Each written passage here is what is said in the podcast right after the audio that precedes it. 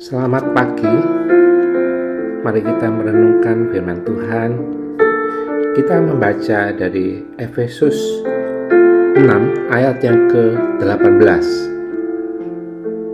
Dalam segala doa dan permohonan, berdoalah setiap waktu di dalam roh dan berjaga-jagalah di dalam doamu itu dengan permohonan yang tak putus-putusnya untuk segala orang kudus.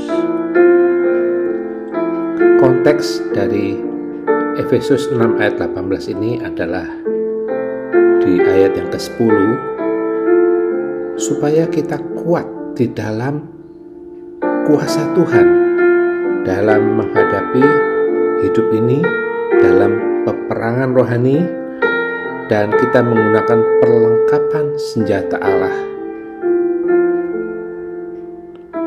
Karena hari-hari ini adalah hari-hari yang jahat, yaitu hari-hari yang penuh dengan tipu muslihat iblis. Perlengkapan senjata Allah yang dimaksud adalah hidup di dalam kebenaran sebagai ikat pinggang, hidup di dalam keadilan sebagai baju sirahnya, menggunakan kasut pemberitaan Injil, memiliki iman sebagai perisai menerima keselamatan dari Yesus Kristus sebagai ketopong dan memiliki firman Allah sebagai pedang roh.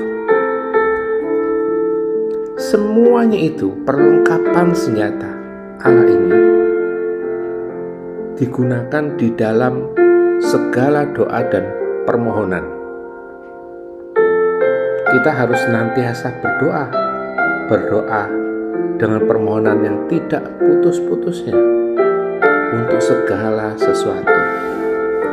Matius 26 ayat 41 dituliskan berjaga-jagalah dan berdoalah supaya kamu jangan jatuh ke dalam pencobaan. Roh memang penurut tetapi daging itu lemah. Kita harus nantiasa berdoa setiap hari dan berjaga-jaga, menjaga hidup kita tetap kudus, menjaga hidup kita tetap dekat dengan Tuhan.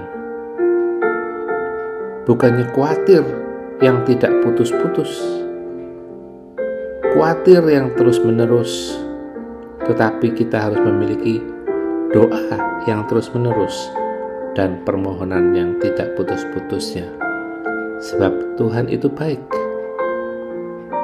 Tuhan pasti menolong kita.